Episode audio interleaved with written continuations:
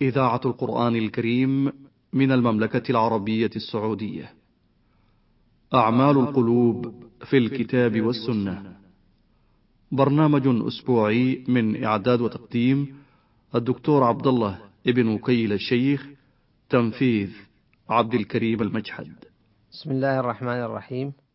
الحمد لله رب العالمين والصلاة والسلام على أشرف الأنبياء والمرسلين نبينا محمد صلى الله عليه وعلى آله وصحبه أجمعين. أيها الإخوة المستمعون السلام عليكم ورحمة الله وبركاته وبعد. سبق معنا في الحلقتين الماضيتين الحديث عن صفة الرجاء وما جاء في شأنها من النصوص في الكتاب والسنة. واليوم نواصل الحديث عن هذا الموضوع الهام.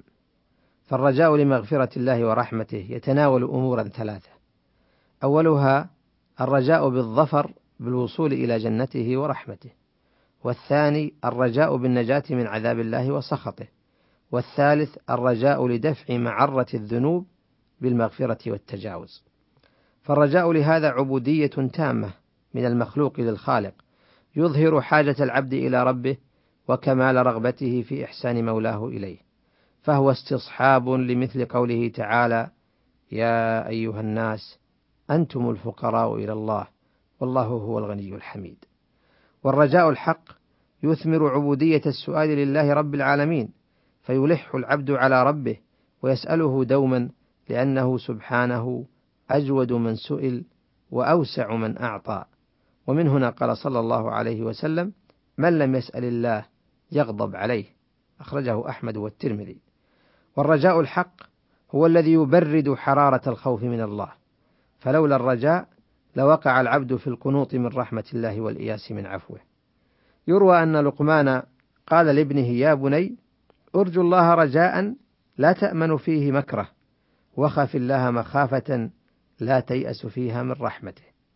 قال يا أبتاه وكيف أستطيع ذلك وإنما لي قلب واحد قال المؤمن كذا له قلبان قلب يرجو وقلب يخاف به وفي رواية أخرى أن لقمان قال يا بني أرجو الله رجاء لا يجرئك على معصية وخف الله خوفا لا يؤسك من رحمته.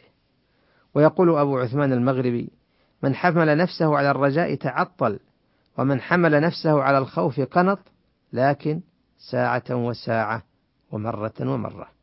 ومراد أبي عثمان بقوله تعطل أي من اتكل على الرجاء وفهمه غلطا ربما ترك العمل ولكن إنما تصح حاله إذا اجتمع في قلبه الخوف والرجاء.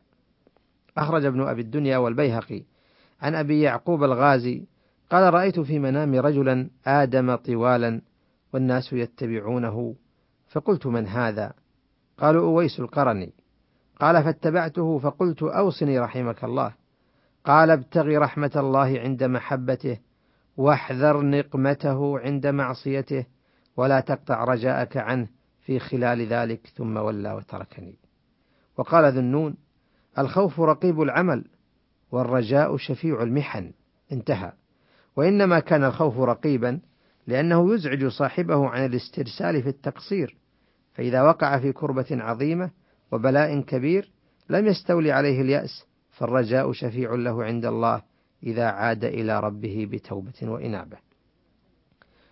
ومن هنا كره السلف الاقتصار على التخويف لئلا يؤدي إلى أثر تربوي سيء فيوقع الموعوظ في الإياس من رحمة الله. مر عبد الله بن مسعود على قاص وهو يذكر فقال يا مذكر لا تقنط الناس. ثم قرأ يا عبادي الذين أسرفوا على أنفسهم لا تقنطوا من رحمة الله. إن الله يغفر الذنوب جميعا. وكان من مناجاة العبد الصالح يحيى بن معاذ لربه قوله وكان من مناجاة العبد الصالح يحيى بن معاذ لربه قوله إلهي إن كنت غير مستأهل لما أرجو من رحمتك فأنت أهل أن تجود المذنبين بفضل سعتك. إلهي لولا ما عرفت من عدلك ما خفت من عذابك ولولا ما عرفت من فضلك ما رجيت ثوابك. إلهي إن كنت لا تعفو إلا لأهل طاعتك فإلى من يفزع المذنبون. وإن كنت لا ترحم إلا أهل تقواك فبمن يستغيث المسيئون؟ الرجاء الحق هو الذي يولد لدى صاحبه الاجتهاد في العمل والتلذذ بالتعبد والسماحة بترك المنهيات.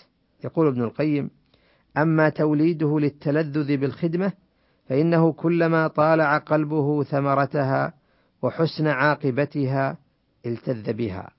وهذا كحال من يرجو الأرباح العظيمة في سفره ويقاسي مشاق السفر لأجلها فكلما صورها لقلبه هانت عليه تلك المشاق والتذ بها. وأما إيقاظ الطباع للسماحة بترك المناهي فإن الطباع لها معلوم ورسوم تتقاضاها من العبد ولا تسمح له بتركها إلا بعوض هو أحب إليها من معلومها ورسومها.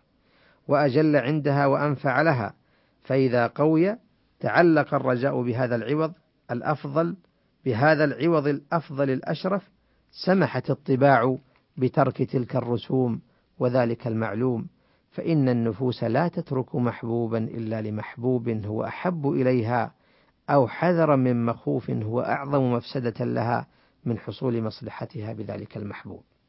ويقول أيضا: وأعلى من هذا رجاء أرباب القلوب، وهو رجاء لقاء الخالق الباعث على على الاشتياق المبغض المنغص للعيش المزهد في الخلق.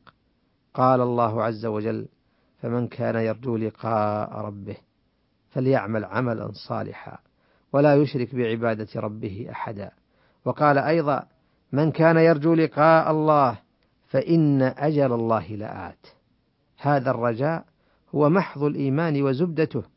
وإليه شخصت أبصار المشتاقين ولذلك سلاهم الله تعالى بإتيان أجل لقائه وضرب لهم أجلا يسكن نفوسهم ويطمئنها. لا تخف وحشة الطريق إذا جئت وكن في خفارة الحب سائر واصبر النفس ساعة عن سواهم فإذا لم تجب لصبر فصابر وافطم النفس عن سواه فكل العيش بعد الفطام نحوك صائر يا أخا اللب إنما السير عزم ثم صبر مؤيد بالبصائر. يا لها من ثلاثة من ينلها يرقى يوم المزيد فوق المنابر. وقد كان المصطفى صلى الله عليه وسلم قدوة هذه الأمة عظيم الرجاء في ربه لنفسه ولأمته. ها هو صلى الله عليه وسلم يقول إذا سمعتم المؤذن فقولوا مثل ما يقول ثم صلوا علي فإنه من صلى علي صلاة صلى الله عليه بها عشرا. ثم سلوا الله عز وجل لي الوسيلة فإنها منزلة في الجنة لا تنبغي إلا لعبد من عباد الله وأرجو أن أكون أنا هو. فمن سأل الله لي الوسيلة حلت له الشفاعة. وقال صلى الله عليه وسلم في حق أمته ما من نبي من الأنبياء إلا أعطي ما مثله آمن عليه البشر وإنما كان الذي أوتيته وحيا أوحاه الله إلي فأرجو أن أكون أكثرهم تابعا يوم القيامة وإلى أن نلتقي مرة أخرى أستودعكم الله والسلام عليكم ورحمة الله وبركاته. أعمال القلوب في الكتاب والسنة. برنامج أسبوعي من إعداد وتقديم الدكتور عبد الله ابن وكيل الشيخ تنفيذ عبد الكريم المجحد.